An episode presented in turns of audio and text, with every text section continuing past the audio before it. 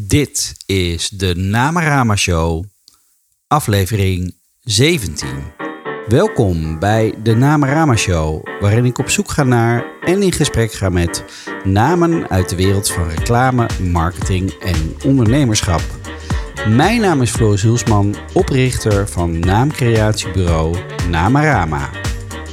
Ooit begonnen als copywriter en nu ondernemer, auteur en vooral namenmaker. Voor mij begint en eindigt alles met een goede naam. Ik bevind mij in een schitterend pand aan de Raamgracht in Amsterdam. In uh, wat een uh, voormalige schuilkerk is. Uh, zit nu een filmproductiehuis. En de setting is ongelooflijk mooi. Sowieso de Raamgracht, een zijgracht van de Kloveniersburgwal, is een plek die verstookt lijkt van de toeristen. Het valt net buiten de drukte en je waant je in de rust van de 17e eeuw.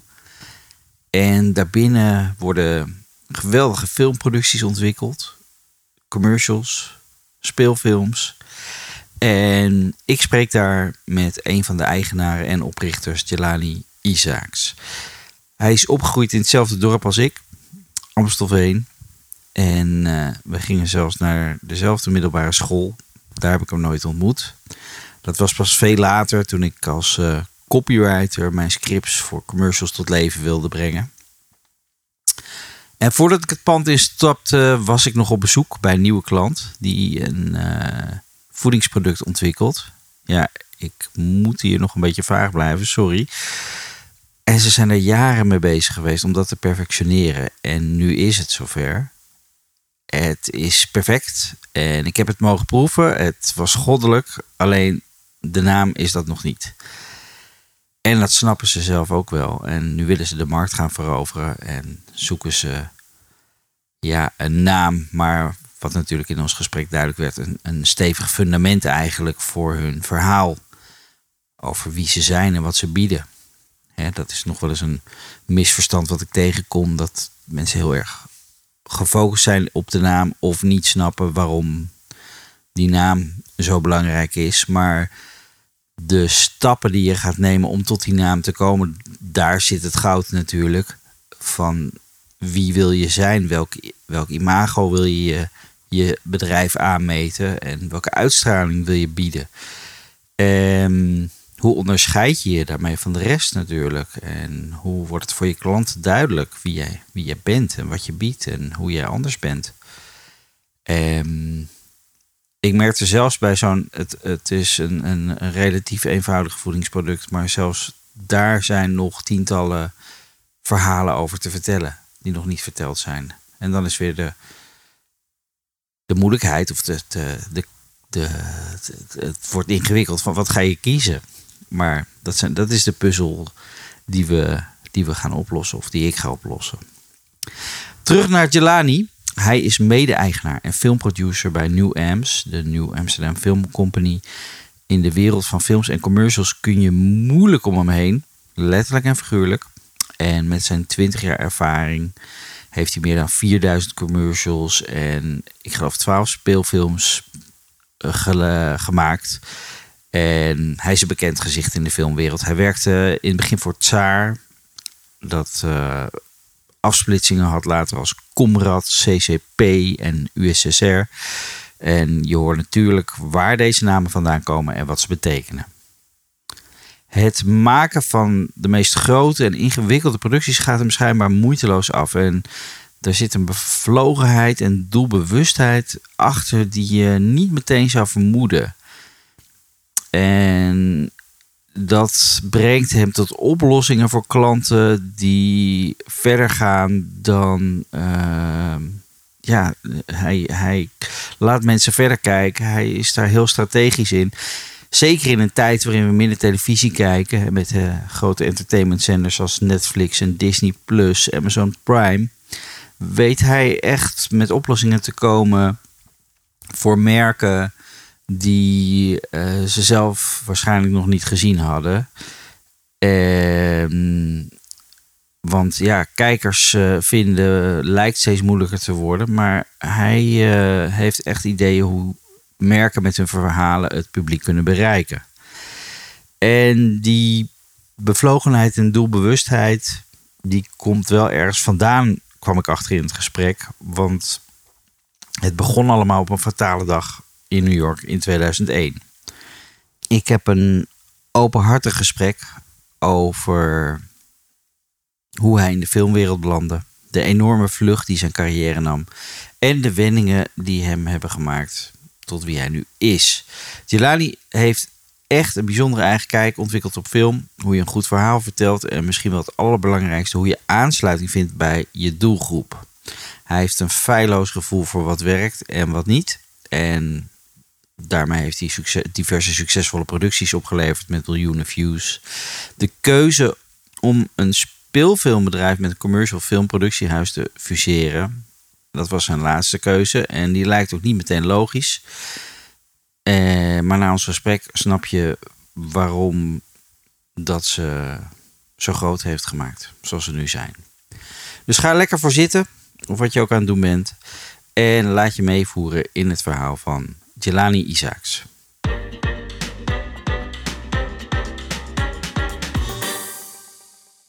Jelani Isaacs, welkom in de Naam Rama Show. Dankjewel. maar ik ben bij jou op bezoek natuurlijk. Um, de eerste vraag die me meteen integreert uh, is: hoe kom jij in de filmwereld terecht? Nou, dat is op zich een uh, best wel uh, romantisch verhaal. Nou, niet echt. Ik ging met een meisje. En haar vader was of is filmproducent, maar van reclame. En uh, die zag mij een beetje klooien met school. En die zei op een gegeven moment: joh, kom even anders dit weekend even helpen. En, en dat was de eerste, mijn eerste shoot ever. Was gelijk ook met Frans Wijs voor Postbus 51. En ik dacht: yeah, wat is dit joh? En het is een soort georganiseerde chaos. Iedereen heeft een job. En die job die resulteert uiteindelijk tot iets wat we met z'n allen hebben gemaakt. En toen dacht ik: ja, dat is wel vet. Ondertussen was ik nog steeds economie aan het studeren. Of all things. En, uh, en vlak voor het einde van mijn, volgens mij, mijn eerste jaar zei hij van ja, ik ga nu zes maanden reizen voor de landmacht. Je kan mee. Ik zeg, maar ik heb geen rijbewijs. Zegt hij, nou weet je wat, ik betaal je rijbewijs. En dan ga je voor een uh, vergoeding ga je zes maanden op pad. dat ben ik gaan doen. School laten zitten. En dat was het. Ja. Wauw, mooi. Ja, dat is vet. Ja. Wat, ik, wat ik vooral bijzonder vond, is dat iedereen heeft een rol en die rol probeert hij zo goed en kwaad zeg maar, te, te, in te vullen. Ja. Maar ze willen die rol ook delen. Dus het is best een overdrachtelijke business. Dus elke, elk talent wil zijn talent ook wel doorgeven aan de volgende uh, persoon. Waardoor het eigenlijk best wel een hoog standaard blijft. Uh, uh, het is niet iets wat um, verwatert. Snap je? je zou kunnen voorstellen dat schoorsteenvegers op een gegeven moment niet meer nodig Mhm. Maar film maken blijft een soort van necessity. En daardoor is het ook nodig om die kennis te blijven delen. En dat is eigenlijk tot op nu, ik doe het nu al twintig jaar, uh, is dat hetzelfde gebleven. Ja. ja. is wel echt passie daardoor. Ik herken dat wel. Ja, maar ik begon ook als, als runner ooit. En, en ik was ook verbaasd toen ik voor het eerst op een set stond wat daar gebeurde. Dat vond ik ook magisch. Vond ik dat. Bizar. Ja, echt magisch. En dat is het. Maar hoeveel, hoeveel producties ben je verder ongeveer dan? Ik heb, heb je het oh, bijgehouden? Ik durf bijna niet te zeggen, maar ik heb het een keer moeten tellen. Ik heb nu in mijn leven ongeveer 4.500 commercials Holy. meegemaakt of geproduceerd, ja. En 12 speelfilms, waarvan ik niet uh, altijd zeg maar, de hoofdspeel was. Ook vaak gewoon onderdeel van het productieteam of locatieteam. En, uh, en een hele hoop uh, internetdingen. Ehm, maar veel dus. Ja. ja. Maar zeker mijn beginjaren draaide ik denk ik 100 commercials per jaar. Ja, en je begon bij, uh, ik heb het nog even op LinkedIn nagekeken, allemaal bedrijven met, met name als Tsaar, CCCP, ja. Comrad. Waar kwam die hele Russische golf vandaan? ja, dus ik had, uh, ik, ben, ik ben ooit begonnen bij uh, Cineteam. het was het, het productiehuis van Frits Harkema. Dat werd Quintus. En toen werd ik gevraagd mee te helpen bij John Mol Producties. Maar ondertussen was ik locatiemanager geworden. Dus Wat doet een ja, locatiemanager? precies. Dus locatiemanager neemt eigenlijk de taken weer waar voor de producer op het gebied van locaties. Het regelen van vergunningen, het regelen van parkeerplaatsen, eh, de afspraken met locatie-eigenaren, dat soort dingen, locatiecontracten op samenstellen. En dat ben ik gaan doen eh, eh, eh, freelance. En toen werd ik gevraagd om met John de Mol productie te beginnen. En daar hadden ze eigenlijk die functie niet, maar ze hadden daar wel een, een functie heet locatieproducer. En dat resulteerde weer in het feit dat ik grote spelprogramma's moest gaan produceren. Zoals? Hoe heet dingen? De Olympiade, Staatsloterijshow, All Needs Love. Een hele hoop verschillende eh, eh, eh, projecten die allemaal hun eigen route volgden. En een daarvan was ook Over de Rooi. En Over de Rooi was, mocht je voor duizend piek, ging je een weddenschap aan met de presentator. En als je je weddenschap haalde, dan kreeg je duizend piek. Nou, dat heeft allemaal zeg maar, opgeteld tot een overstap die ik maakte in de reclamewereld. Omdat Saar op een gegeven moment zei van nou, we hebben gezien wat je kan. Eh wij beginnen een kantoor in New York. En eh, zou je het niet vet vinden om dat voor ons te runnen? Ik zei nou, is goed. Ik ga wel even kijken. Dus ik ben meegegaan die kant op. Eh, en binnen twee maanden zat ik daar eh, op kamers, ietsje luxer. In, het, in het appartement van Rogier zat ik daar. En heb ik eigenlijk... Rogier van de Ploeg. Rogier van de Ploeg. Hoe oud was je? Wat, wat gebeurt hier? Ehm, New York, Want je, je vertelt het zo matter of factly, maar ik vind het best wel bijzonder allemaal wat er gebeurt. New York was 2000. Dus toen was ik alweer eh 26. Wauw. En ehm, eh, is dat zo? Ja, 26. En, ehm, en ik vond dat een, ik vond dat een, eh, een, het was een uitdaging, maar het was super vet. Want ik kon met de regisseurs van Tsaar op dat moment en de regisseur van CSP onder mijn arm kon ik daar de sales in. En proberen die eh, gast aan het werk te krijgen. En dat, dat, dat ging op zich mondjesmaat, maar ging steeds beter. Totdat op eh, eh, eh, 11 september eh, eh, twee vliegtuigen de gebouwen invlogen. En toen stopte eigenlijk alles, Ja. daadwerkelijk. Een soort Was van je toen daar? ja, en ehm, eh, dat, dat- het appartement waar ik woonde, dat was naast de World Trade Center. Dus mijn hele, mijn hele ochtend was, bestond uit rennen voor mijn leven... tot aan eh, mijn vrouw kwijtraken, tot aan mensen zien doodvallen... tot aan, nou goed, de hele, de hele eh, spectrum van... ehm, Je zat gewoon in, een- in een film als het ware. Ja, maar dan was in een Amerikaanse real film. life. Ja. Ja, ongelooflijk. En, eh, ehm, en dat heb ik ongeveer nog een maand volgehouden, denk ik, daar.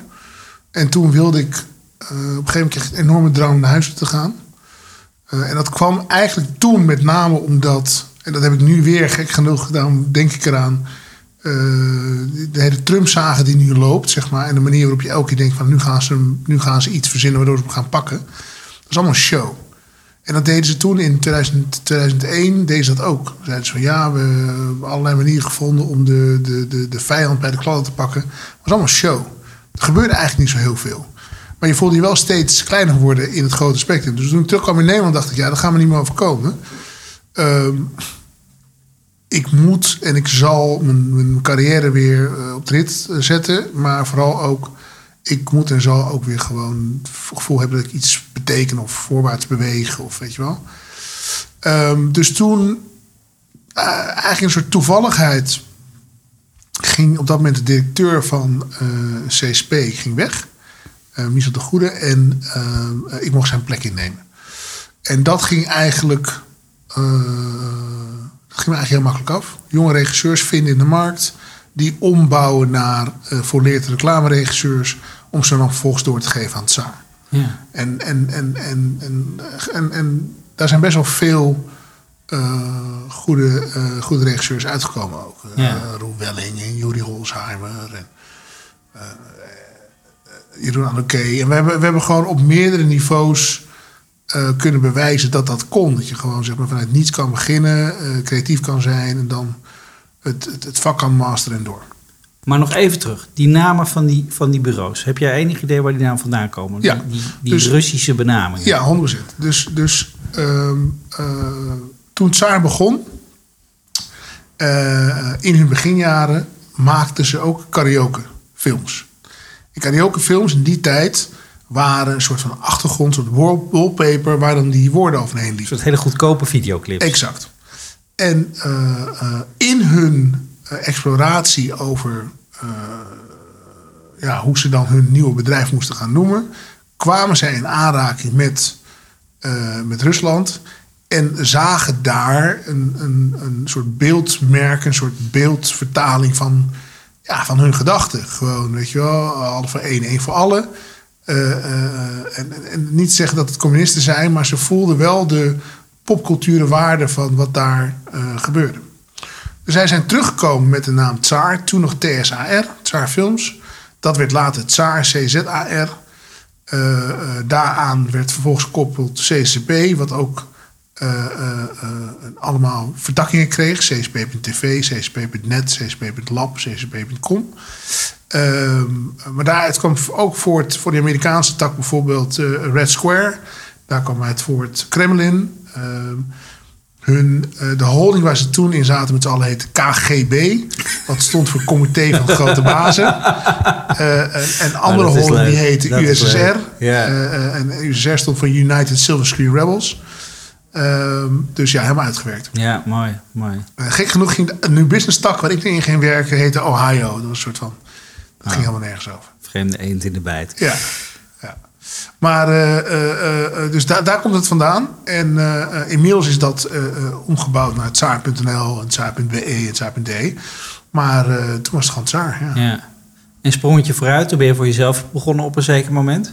dus ik mocht eind 2009 eh, mocht ik de, de sprong in het diepe voor mezelf proberen. En ik Hoezo mocht dat? Van mezelf, Van ja. jezelf, Ik ja. mocht, ik mocht, kijk, ik had tot op dat moment had ik eh, eh, altijd voor de familie van Tsaar gevochten. En eh, ik, ben, en ik ben wat dat betreft redelijk loyaal aan, aan de, de familie waar ik bij hoor. Dus het heeft voor mij best wel lang geduurd. Er moest best wel veel gebeuren. dat ik me realiseerde, misschien is, is dit pad gelopen en moet ik mijn, mijn, mijn eigen pad, het nieuwe pad gaan bewandelen. Eh, maar daar moet je ook iets voor uitzetten in je hoofd. Je moet ook voor jezelf besluiten dat dat zo is. Eh, en dus daarom bedoel ik met dat mocht ik van mezelf. Ja, mooi, ik snap het. Ik, ik, ik, ik voelde daarvoor niet de noodzaak ooit om naar buiten te kijken. Eh, maar en toen in één jaar tijd zijn er zoveel veranderingen ontstaan. Waardoor, waardoor ik gewoon dacht, oh ja, wie ben ik eigenlijk? En, en daar ben ik op verder gaan bouwen. Ehm, en dat ben ik gaan doen met een, een goede vriend en collega van dat moment, Sander Brenninkmeijer. En, eh, en besloten wij het bedrijf eh Brenninkmeijer en Ishaaks te beginnen. En eigenlijk was het een, klein beetje een knipoog, maar tegelijkertijd ook weer niet. Er waren, er waren twee redenen om die naam te kiezen. De, de reden één was omdat, eh, zo wij zo heten, hè, Sander Brenninkmeijer en Slane Ishaaks. Maar het voelde ook wat eh, meer consultie-achtig. En op dat moment had ik wel besloten dat ik wel even klaar was met 120 regisseurs onder mijn vleugels te pakken. Maar ik dacht, ik ga eens gewoon advies uitspreken. Kijken of je daar ook geld voor kan krijgen. Blijkbaar is dat een eh, commodity, een eh, cultural currency, zoals ze dat zo mooi noemen. En, ehm, en dat ben ik gaan doen. Dus ik ben, breng mij in Isaacs werd een soort production consultant bedrijf zonder regisseur, zonder eh, vast medium waar we voor werkten. eigenlijk 360 graden rond alles aanpakken. Iedereen met een portemonnee en idee mocht aankloppen, zeg maar. Ja, En dat was wel, denk ik, een schot in de roos. Omdat het eerste project wat we mochten doen... was een, eh, eh, een campagne van Adidas voor 2010 voor de World Cup. En dat deden we eigenlijk eh, in naam van 180... wat op dat moment nog het bureau was van Adidas. Alleen tegelijkertijd hadden we ook meegewerkt aan de, de repitch van het merk. En wisten we dat Adidas verloren was. Dus dat Adidas na de World Cup zou verplaatsen van 180 naar Sidley. Dus we zaten daar eigenlijk ook een klein beetje als eh, interim eh, productieapparaat. en dat vond ik wel fijn. Gewoon een beetje freewheelen. eh, Dan weer met, met hele concrete scripts moeten werken. Dan weer juist niet. Een beetje interviews draaien. Het voelde wel alsof ik meewerkte aan het grotere geheel. ja. Ehm, en dat ben ik eigenlijk een beetje gaan uitwerken. Dus na dat project zijn we het fenomeen U vraagt wij draaien zijn we gaan toepassen. Ehm, eh, en dat deden we in het begin vooral heel veel voor bureaus. Eh, en dat, Reclamebureaus. reclamebureaus. En dat werd, eh, naarmate we vorderden, werd dat ook voor merken. Een van de projecten waar wij elkaar op ontmoet hebben, dat was een samenwerking tussen Heineken en KLM. Ja, uniek. Dat, dat was op dat moment uniek, omdat Ja. het was, twee merken hadden zich nog nooit gemixt. En eh, ik weet nog goed dat eh, ik werd 's ochtends gebeld door eh, Rob van Griensven. Die zei, ja, we hebben een idee bedacht. Alleen dat is met een ander merk. En we willen geen van twee onze bureaus daarmee belasten. We hebben geen idee wat het is, maar misschien kun je eens langskomen en naar luisteren. En dat had hij gedaan op aangeven van, van PIP. PIP is Partners in Production. Dat is een, een, een bedrijf dat zich bezighoudt met adviseren aan klanten hoe, hoe ze het best hun campagnes kunnen opbouwen. Of hoe ze het best hun marketing en communicatie kunnen huisvesten. En eh, dus ik, eh, ik ging naartoe en ik hoorde van beide mannen, van hem en van eh, Frank Hoebe, kreeg ik de briefing. En die was, die was ambitieus aan de ene kant. En aan de andere kant voelde hij heel vertrouwd of zo. Het was heel erg zo van, oké, we willen dit samen doen. En, en het focuste zich helemaal op, op, op Koning, Koningendag toen nog. En, eh, en dat zijn we toen maar gaan maken. En dat resulteerde dus in een samenwerking van KLM en Heineken. Dat is één. Het Waarbij ze resulteerde- Koninginnedag eh, in het zonnetje gingen zetten. Ja, dus eigenlijk gingen ze door de ogen van de buitenlander laten zien hoe wij Koninginnedag vieren. Eh, en wat gebleken is toen en nu nog steeds, is dat Nederlanders over het algemeen eh, het allervetst vinden om hun eigen land te zien via de ogen van de buitenlander. Eh, helemaal als het eh, vol lof is, dan, eh, dan vindt ze het helemaal geil. Dus dat werkte heel goed. Ik weet nog wat, de, volgens mij bij de eerste film die we gemaakt hebben voor ze had 4 miljoen Facebook-hits. Dat was voor die tijd was dat heel veel. Ja, inmiddels moet je 180 miljoen hebben om een beetje mee te kunnen draaien. Maar in die tijd was 4 miljoen heel veel. Eh, door jou geschreven en door Jar. En dat, was, dat, was ook, dat was ook leuk en nieuw. was gewoon een nieuwe, nieuwe manier van werken. Maar dat was wel het zaadje voor mij. Want ik dacht, oh ja, kijk, eh, niet, niet om heel arrogant te zijn, maar ik, ik, zie, ik heb zoveel bureaus van binnen gezien. Ik heb zoveel projecten gedaan. Ik kan inmiddels wel zeggen dat ik ongeveer weet hoe de, eh, hoe de route is of hoe de route eigenlijk loopt. En dat wil niet zeggen dat ik know-how heb van strategie. Ik heb geen know-how van eh, conceptdenken of campagne denken. Maar ik heb in ieder geval know-how van, oh ja, dit zijn een beetje de, de smaken waar het publiek op zit te wachten. Of waar ze goed voor gaan. En hoe kom je daar? Ja. Eh, dus dat ben ik gaan uitwerken. En, en hoe, hoe eh, pik jij die smaken op dan? Nou, dat, dat, is een, dat is wel een, een, een grappige. Dat, en dat is denk ik ook, als ik dan een, als ik een unique selling point van Jelani moet noemen, dan is dat. Is dat ik heel veel uit eigen ervaring eh, moet putten. Eh, dus negen van de tien smaken die ik proef, die heb ik al een keer eerder geproefd in mijn eigen leven. Dus ik kan er wat, ik herken ze wat sneller. En dan, eh, eh, dat zit in sport, dat zit in muziek, dat zit in eh, een stukje in fashion, maar dat zit vooral in, in, in, in internetbelevingen. Dat soort, dat soort zaken heb ik best wel diep ingezeten in, mijn, in mijn jeugd en toen ik jong volwassen was. Dus voel en begrijp denk ik goed waar dat, eh, wat daarvoor nodig is om dat op een hoog niveau te krijgen. Ja, en, en dan vind ik klinkt heel dat, arrogant, Nou, nou, ik vind het juist heel leuk om te horen. Want eh, ik, ik, ik zie jou dan dat heel makkelijk oppikken. Maar ook tegelijkertijd kun je daar een productie van, van maken. Ja. Waarbij ik denk dat, dat als jij weet hoe ingewikkeld produ- produceren... tenminste voor mij lijkt dat, is dat een soort hoge wiskunde. Van hoe krijg je dat allemaal bij elkaar? En hoe krijg je die film ooit gemaakt? En blijf je ook nog binnen een bepaald budget dat dat jou dan ook niet eh, eh, eh, tegenhoudt, al die kennis. Hè? De- Nee. soms soms zou, zou dat misschien verlammend juist werken, denk ik. Maar jij ziet dan juist de kansen meteen en, en, en kan het verwezenlijken. Nou, er is, er is een. eh, eh, eh, er is één persoon specifiek in deze business die mijn ogen opende door zijn simpelheid. Geraldo Vallen had altijd de, de, het, het simpele repliek. Ehm, heb je een onderwerp? Ja. Heb je een camera? Ja. Heb je een, iemand die dat onderwerp voor je kan benoemen of kan uitbeelden? Ja, oké, dan gaan we lekker filmen. Want dat is in principe Wie, wat wie je was dat? Geraldo vallen, ook Oké. van Tsaar. En ik vond dat zo, ehm, ik vond dat zo slim. Ik dacht, ja, uiteindelijk is dat wat mensen eh, doen. Ze, ze, ze zoeken een soort herkenning in wat ze zien. En dan een verwachting. En of die verwachting, als die verrassend is, is het leuk. Als die om te lachen is, is het leuk. Als die volledig niet is wat ze, wat ze, wat ze eh, ervan dachten dat het zou zijn, is dat ook leuk. Want dan gaan ze erover praten waarom ze dachten. Weet je wat? Dus het heeft allemaal een effect. Ja.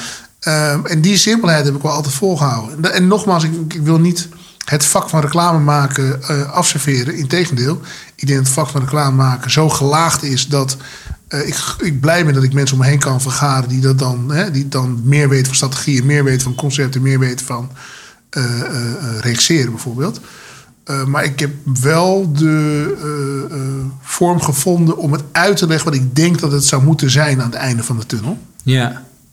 En uh, heb dan ook wel weer een idee hoe we daar zouden kunnen komen. En dat is produceren misschien wel. En blijkbaar kan je dat ook zo goed dat je dan, dan daar zoveel succes mee hebt. Zeg maar dat het, dat het elke keer weer lukt. Het zal natuurlijk wel de ene keer beter zijn dan de andere. Maar je, je, je, nou, je bent daar unstoppable in, want je doet het al twintig jaar bijna. En, en dan is dit de volgende fase met uh, New Amps. Uh, ja. Dus dat, dat houdt jou, het houdt jou niet tegen, laat ik het zo zeggen. Nee, het houdt me niet tegen. En, en, en gelukkig groeit het ook, zeg maar. Het groeit ook. Dus waar ik denk ik vroeger met, met, met BNI, met en Isaacs, uh, die we overigens op een gegeven moment naar BNI hebben gebracht, omdat vooral de buitenlanders uh, uh, een veel te lange naam vonden. Um, zijn we nu met Nieuw Amsterdam, zijn we weer een stukje verder gekomen. Uh, en, en, zeker niet zonder slag of stoot, maar wel eentje die moest gezet worden. Namelijk waar we in het verleden vooral uh, in opdracht werkten. En bij wijze van spreken de vraag niet stelden waarom, maar gewoon deden. Uh, u vraagt wij draaien. U vraagt wij draaien. Zijn we nu, u vraagt wij draaien, maar met een bepaling van culturele waarden. Dus ergens zoeken we wel een, ja, een soort waardering om iets wel of niet uh, aan het publiek te gaan geven. En we denken als we waardering goed genoeg uh, implementeren, dat het publiek het ook veel makkelijker en, en, en fijner omarmt. Dus, wat, wat bedoel je dan met culturele waarde? Kun je daar een voorbeeld van geven? Zeker. Ik denk, ik denk, uh, nou, laat ik anders. Ik denk dat er een, een, een besef is. Een besef is bijvoorbeeld, um, hip-hop was vroeger best wel underground. En, uh, en hip-hop was van een hele selecte groep. Uh, en die selecte groep die kwam naar boven, die zag je op straat soms uh, zich verschijnen, maar zag je vooral in tv-programma's of in een speelfilm en misschien in een club. ik weet nog goed, vroeger was het kasteel in Al van der Rijn, elke zondag om twee uur s middags. Daar waren alleen maar hip-hop heads. Dat wist niemand. Er stonden gewoon wel 500 kinderen gewoon te dansen van twee uur s middags tot zes uur s avonds op hip-hop. Dat waren alleen maar hip-hoppers. Nu is hip-hop maatschappelijk uh, omarmd. Het is bijna mainstream geworden. En, en, en, uh, en daardoor heeft het dus invloed op, op, de samenleving. Nou, die, dat besef, als je die goed genoeg doorgrondt, dan kan je die theorie loslaten op uh, andere culturele waarden. Dan kan je, die theorie kan je loslaten en die kan je toepassen op culturele waarden zoals kunst, op culturele waarden zoals sport of culturele. En die mainstream dus is nodig om uh, bepaalde belangrijkheid te behalen. En die belangrijkheid brengt weer teweeg dat merken dan wel consumers daar geld aan uit willen geven. En daar zit, daar zit volgens mij een beetje de, de, de, de, de schakeling tussen wat wij doen, hè, wij reclamemensen, en wat het publiek daarbuiten eigenlijk van ons vindt, is dat ze het pas interessant vinden op het moment dat het ook daadwerkelijk iets voor ze oplevert.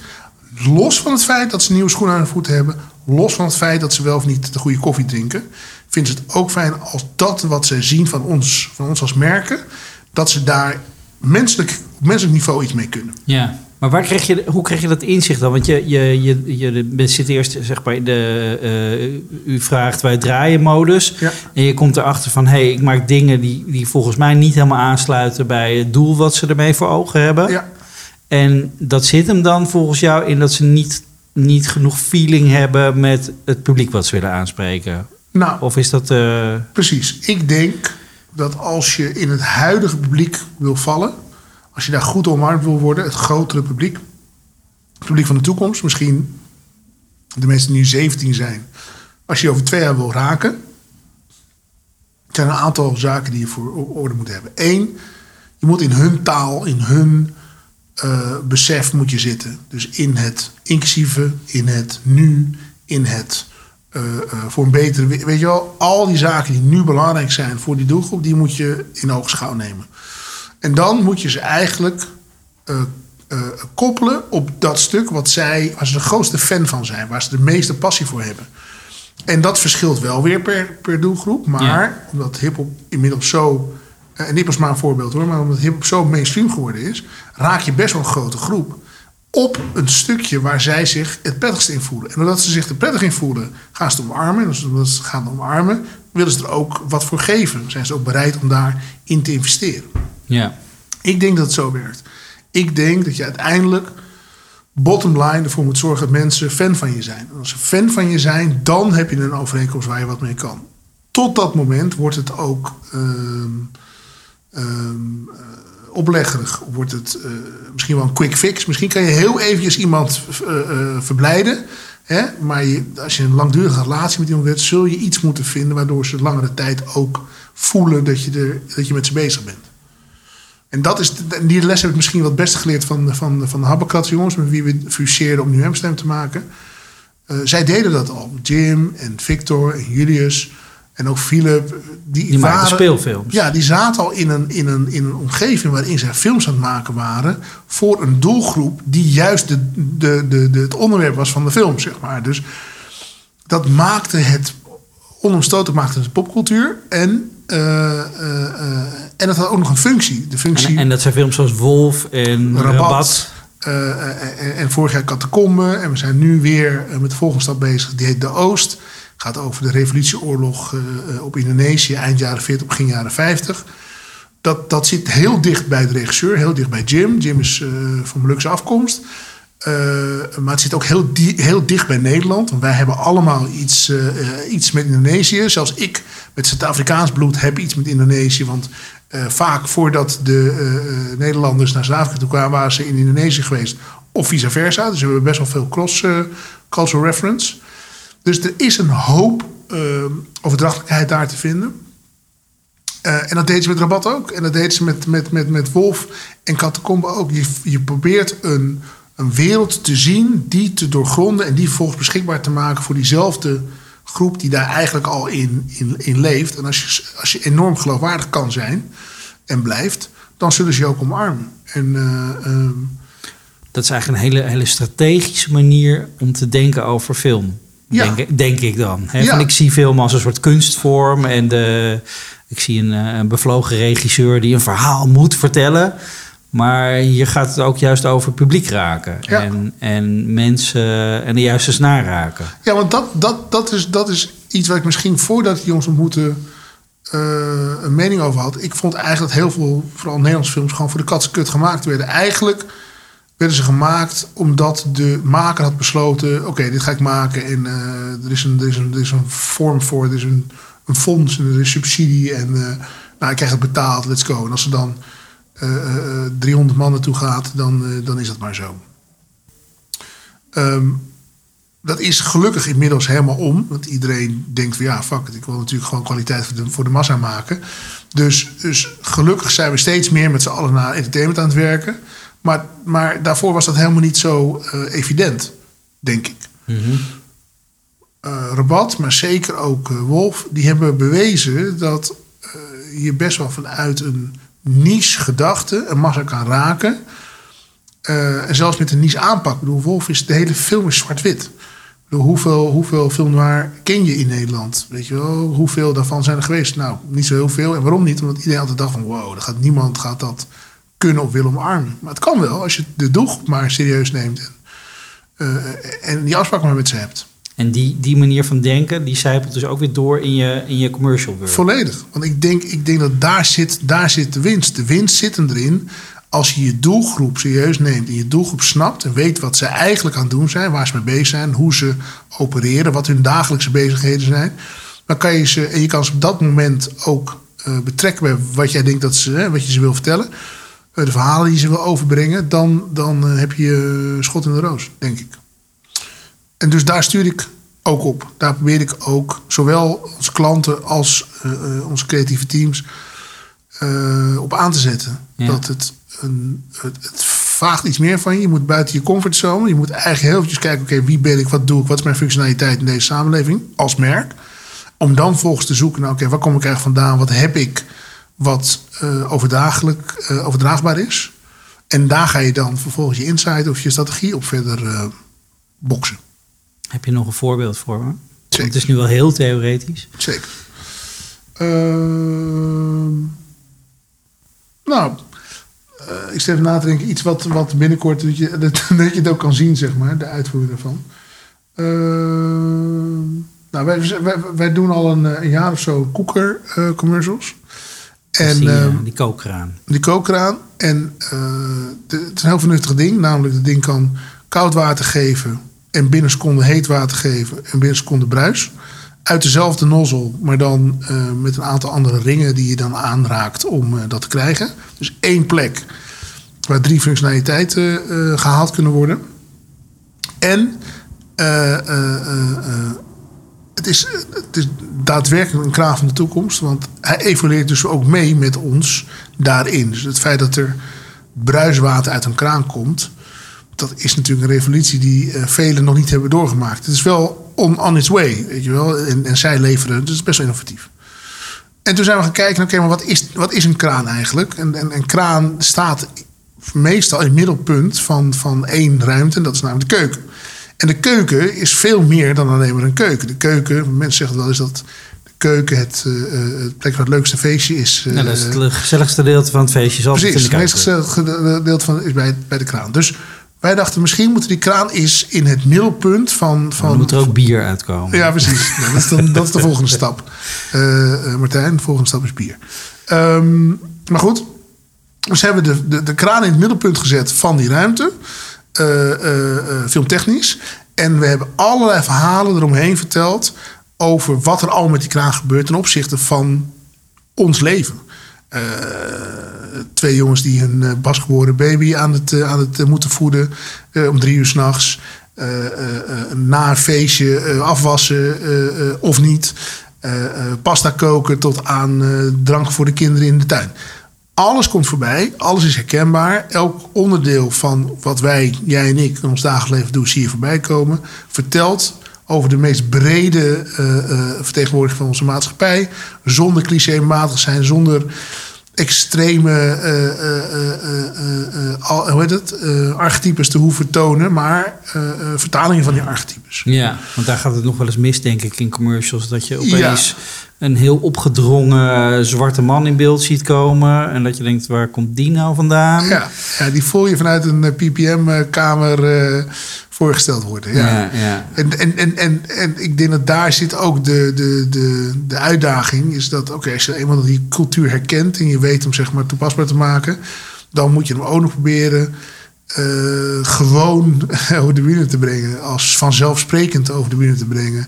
ja. Ehm, eh, en daar falen eh, sommige bedrijven nog wel eens in. En dan heb je duizenden commercials erop zitten. Is de, is de commercial nog levend? Ik bedoel, ik hoor alsmaar mensen zeggen, er wordt minder tv gekeken. Maar wat, hoe zie jij dat? Nou, ik, ik denk dat wij met z'n allen wat arrogant zijn om te bepalen wat wel en wat niet meer is. Ik denk dat het publiek ons in ieder geval vertelt dat als je iets op tv wil laten zien in lineaire uitzendingen, dan moet het fucking goed zijn. Of het moet iets zijn wat volledig eh, in het verlengde ligt van iemands wil of passie. Eh, dus dan kan het gewoon bestaan. Het is net zoals eh, pepernoten. Die zullen helaas ook altijd blijven bestaan. Omdat er gewoon mensen zijn die pepernoten super lekker vinden. Nou, Vanaf Dus- september. vanaf, vanaf september al. Dus, eh, dus ik denk dat de commercial altijd blijft bestaan. Ik denk alleen wat de functionaliteit van de commercial ten opzichte van de markt, vanuit ten opzichte van de business, die is veranderd. Dus daar waar je zou zeggen, eh, als ik nu al mijn geld zet op een commercial, dan behaal ik ook mijn eh verkoopcijfers. Daarvan ben ik, kan ik niet 100% zeker zeggen dat dat, dat nog steeds zo is. Ik denk dat, hoe heet die, ook weer, die GRP's die eh, behaald werden, dat dat inmiddels wel echt spervuur is. En dat je maar moet hopen dat van de, weet ik veel, 2 miljoen eyeballs die je schiet op een commercial, dat 2000 daarvan de volgende dag in de winkel eh, ook daadwerkelijk jouw product uit de schappen trekken. Om dat voor elkaar te krijgen, om die zekerheid te hebben, denk ik dat je op een ander niveau eh, veel meer eh, ehm, impact maakt. Ehm, eh, wij hebben ons al een paar jaar geleden zijn we ons gaan focussen op long-form advertising, omdat we denken dat het verhaal eh, best wat tijd en ruimte mag krijgen om geloofwaardig te worden en te blijven en authentiek te zijn. En, eh, en dan komen we terug bij wat ik daarvoor zei. En daardoor denk ik dat mensen meer fan worden, meer liefde krijgen voor het merk. En dus niet één keer eventjes die eh eh, nasi rijst uit de kast trekken, uit het schap halen. Maar vanaf dat moment elke zaterdag nasi rijst willen maken. Eh, en dan wel van lassie. Omdat, omdat je nu ook inderdaad de ruimte hebt om een langer verhaal te vertellen. Ja, nou dat is het Dat soort self-fulfilling prophecy. Dus Ja. al die tijd heeft de tv volgehouden dat het hartstikke duur was om uit te Gedomineerd zenden. door 30 seconden of 20 seconden. Ja, het is zo duur, dus nu kan maximaal 30 seconden doen. Inmiddels, en ook een beetje, over de, ook een beetje op, de, op de parade vooruit. Inmiddels weten we dat als tv niet heel snel zijn model aanpast, dat streamers zoals Netflix en Disney en Amazon gewoon dwars door ze heen gaan. Die hoeven alleen maar de advertising eh, eh, eh, poort open te zetten. En tv gaat terug naar, weet ik veel, 25 eh, eurocent per minuut te uitzenden. Want het is natuurlijk niet in de lucht te houden als er gewoon een andere concurrent tegenover staat. die bij wijze van spreken al het publiek al heeft opges- opgeslokt. Dus daar waar vroeger de Holy Grail commercials waren, ook voor het geld, denk je dat dat zich ook een beetje niveleert. En, daar, oh sorry, en daardoor wordt het, eh, wordt het allemaal wat makkelijker om ook langdurige eh, reclame uit te zenden op de Nederlandse tv. Ja. Gebeurt al. Hè? We hebben voor eh, Heineken drie documentaires gemaakt. van ieder 25 minuten. Die zonder mediageld zijn uitgezonden op SBS 6 rondom de Olympische Spelen. Dus het gebeurt al dat Heineken 75 minuten lang eh, zijn eigen naam, zijn eigen logo, zijn eigen verhaal verteld kreeg. En het enige eh, ehm, toezegging die zij moesten doen is dat ze rondom hun eigen documentaire wel zouden adverteren. Nou, ik denk dat dat een eerlijke deal is. Ja. Eh, je kan lekker in de, in de commerce kan je dan gewoon zeggen 10 kratten voor eh 35 euro. Nee, dat is een grapje. Dat kost natuurlijk niet 35 euro. Eh, maar je kan in de documentaire heel goed laten zien waar je voor staat en waar je vandaan komt en wat je allemaal doet. Ja. Dus ik, eh, ik denk dat we er al zijn. Eh, maar ik loop een beetje op de parade vooruit, denk ik. Omdat die, die gesprekken beginnen nu. Omdat partijen zoals Amazon, Disney Plus en Netflix en Apple TV steeds sneller opkomen. Precies. En nu duizenden commercials verder. Wat is nog steeds jouw grootste uitdaging als je weer aan een nieuwe klus begint? ja, ik, ik had het laatst met Chris over. Ehm, Chris is onze in-house strateeg en, en culturist. En het meest ingewikkelde, het aller, aller, allermoeilijkste is om het benoemd te krijgen wat wij doen. Dus eigenlijk de, het vaststellen, het fysiek vaststellen van wat wij kunnen toevoegen. Wij- noemen dat adding culture. Dat is eh, gewauwel als je het gewoon zo hè, als je het tegen elkaar zegt. Maar wij zijn druk bezig om dat steeds fysieker te krijgen. Ehm, wat natuurlijk ook niet, niet om, eh, maar dat is natuurlijk een beetje wat, jij, wat jouw werk nu is. Is om het tastbaar te krijgen. Nou, dat stukje, dat, dat de bewoordingen, de manier waarop je iets zo kan opschrijven dat mensen zeggen: Ah, dat, dat ga je voor me doen. En, Ja. en tot nu toe, weet je wel, content bijvoorbeeld. Om even, content is het meest kapotgemaakte woord ever. Ja? Als je nu content zegt, dan zegt iedereen: Oh, dan kost het 5 euro. Nee, content kan fucking een miljoen euro kosten als je niet oppast. Als je doorgaat, kost het 5 miljoen euro. Maar Ja. Content is helemaal verguisd. Terwijl een van de grootste productiemaatschappijen van de jaren 90, Anonymous Content, heette al zo van het begin, maakte de meest vette dingen. Maar dus, dus die namen, de benamingen, de manier waarop je het bekijkt en kan vastpakken, dat is onze grootste uitdaging. Want ik, nogmaals, niet om aan de hand zijn, ik denk dat ik wel weet wat ik aan het doen ben. Maar het overtuigen van degene aan de andere kant van de tafel om dingen ietsje eh, te laten vieren en het te bekijken vanuit een menselijk maatschappijpositie, ja, dat is moeilijk. Maar dat kan wel. Dat is wel Mhm. moeilijk. Dat is spannend voor die andere kant. Of Super voelt onzeker. Moet je voorstellen dat je je hele leven eh, eh, bier verkoopt. En eh, en dat doe je eigenlijk aan voornamelijk blanke mannen van eh, eh, 25 tot eh, 35 jaar in kroegen na het voetbal. Als dat je core business altijd is geweest en dat waren je, je vaste afnemers, dan wil je die niet uit het oog verliezen. Maar als ik je vertel dat er nog een hele wereld daarnaast zit. die net zo graag dat biertje naar binnen willen trappen. maar zich gewoon nog niet gezien voelen. dan moet je heel eventjes bij jezelf te raden gaan. in jezelf kijken en denken: oh fuck ja. Ik deed heel goed voor de groep die ik kende. maar deed ik het ook wel heel goed voor de groep die ik nog niet ken. En wat gebeurt als ik daar te veel van laat zien in mijn communicatie? Gaat dan de groepen waarvoor ik het voor deed, gaan die dan van me af of niet? Ja. Dus heel lang was de discussie over eh, homoseksualiteit in biercommercials was gewoon een non, was gewoon een non-issue. Eh, niet een non-issue, was een non, was gewoon geen gesprek. Non-negotiable. Non-negotiable, gaat niet gebeuren. Ja, sorry. Ik vind hem, ja, nou, hij komt misschien iets, ja, zo'n beetje een vrouwelijke man, werd er dan gezegd. Yo, wat, wat, wat, eh, hoezo zou je die excessief maken? En, en, en zo kun je natuurlijk nog meerdere groepen aanwijzen die niet betrokken zijn het is essentieel voor een merk om af en toe naar zichzelf te kijken en de functionaliteit van dat merk en wat het kan doen met de macht die het dat moment in handen heeft. Een biermerk, zeker de grotere biermerken, verenigen meer dan dat ze eh, verspreiden. Dus zorgen ervoor dat mensen bij elkaar komen. Dat is een kracht die je gewoon moet inzetten. Die moet je toepasbaar maken. Ehm, ik denk dat, ik denk dat mijn grootste, eh, als, ik, als ik een merk mag noemen, en dat is niet omdat ze, dat ik veel voor ze werk, maar gewoon omdat ik echt, echt, echt vind dat ze daarmee voorbij zijn gegaan aan, aan alles als het gaat over bier, is de nieuwe en 0.0 van Heineken. Heeft, denk ik, nou 30% meer mensen blij gemaakt. Namelijk al die mensen die niet drinken, maar die mee, wel mee willen naar de kroeg, die wel mee willen socializen, die wel gezien willen worden als gewoon hetzelfde. Die kunnen nu gewoon een 0.0 flesje in de hand hebben en iedereen denkt dat ze gewoon bier aan het drinken zijn. Of niet, maar er is hier wel geen stomme vragen meer. Nou, dat is al denk ik next level. Dan Uber.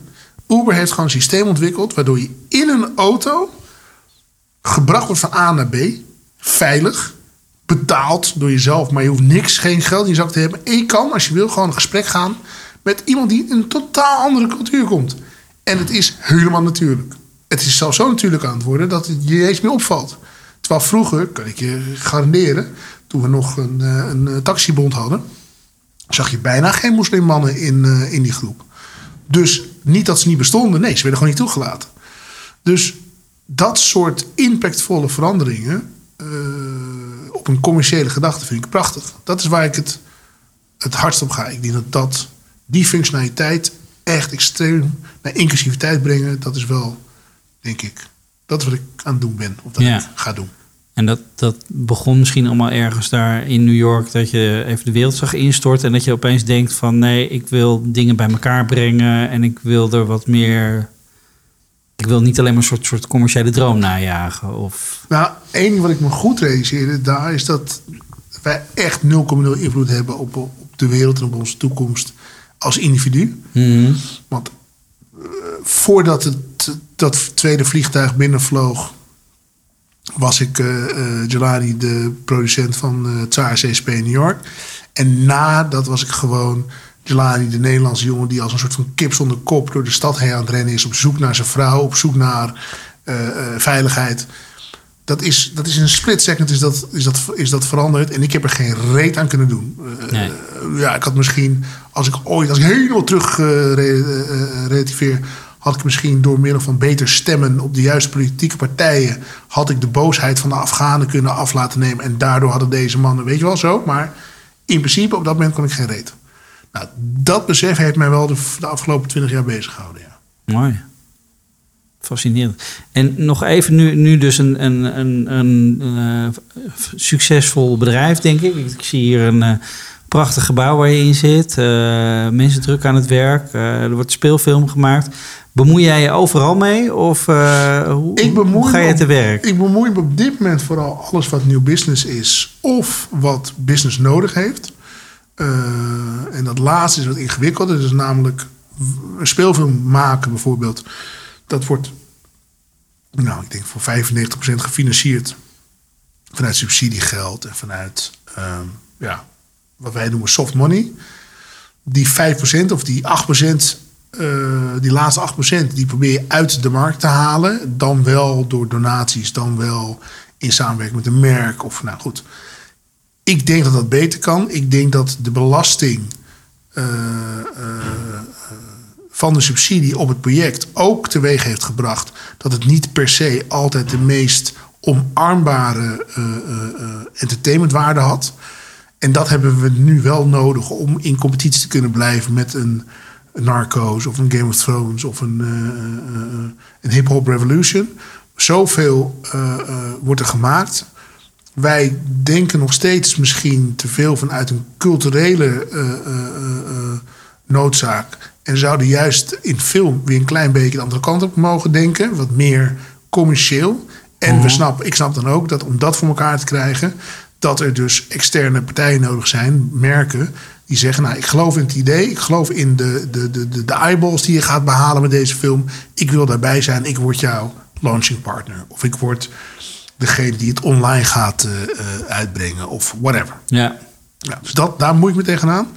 Uh, en dat heet Storyworlds. En die Storyworlds die zijn eigenlijk zo opgebouwd dat je uh, uh, het centerpoint zit de film of het project. En daaromheen zitten allemaal niveaus en vlakken waar je dan weer interactie kan hebben met, met, met het publiek. En omdat ze wat verder van de kern af zitten, mogen ze ook wat commerciëler zijn. En daar zitten dan samenwerkingen. Dat noemen wij brand collabs.